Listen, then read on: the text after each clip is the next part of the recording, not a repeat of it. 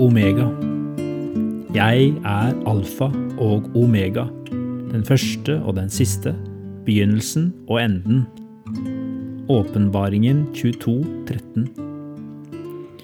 Hvis du leser dette på en av årets siste dager, og du har noen minutter til gode, kan en god samtale med Jesus gjerne stå på programmet. Det er fint å gjøre opp årsregnskapet. Det er aldri slik at det går i balanse for min del. Hvert år begynner jeg så godt. Jeg har så mange gode hensikter.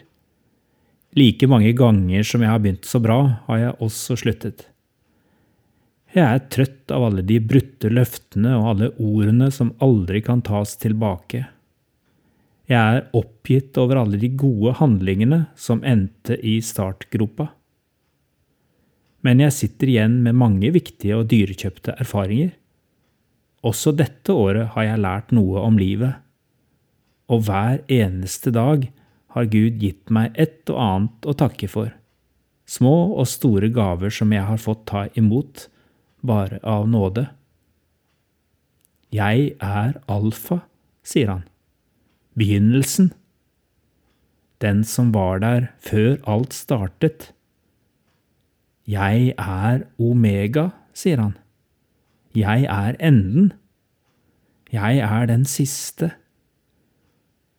Når ungdommene i huset vil være lenger oppe enn oss voksne, sier vi den siste slukker lyset før hun går. Jesus er ikke den som skal slukke lyset.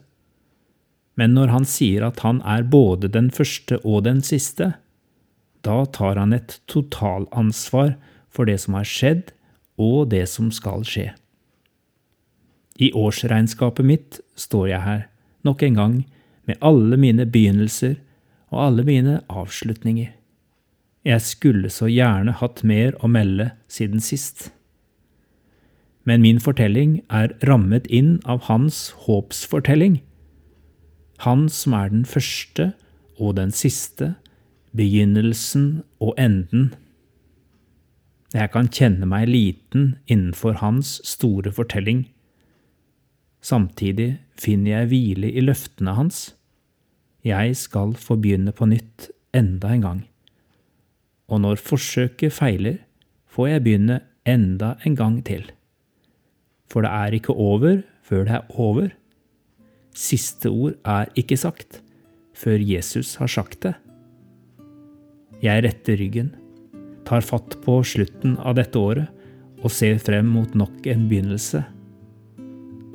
Til ettertanke. Hvordan ser jeg tilbake på året som har gått? Hva ser jeg for meg i det nye året? Hva vil jeg at alfa og omega skal vite om?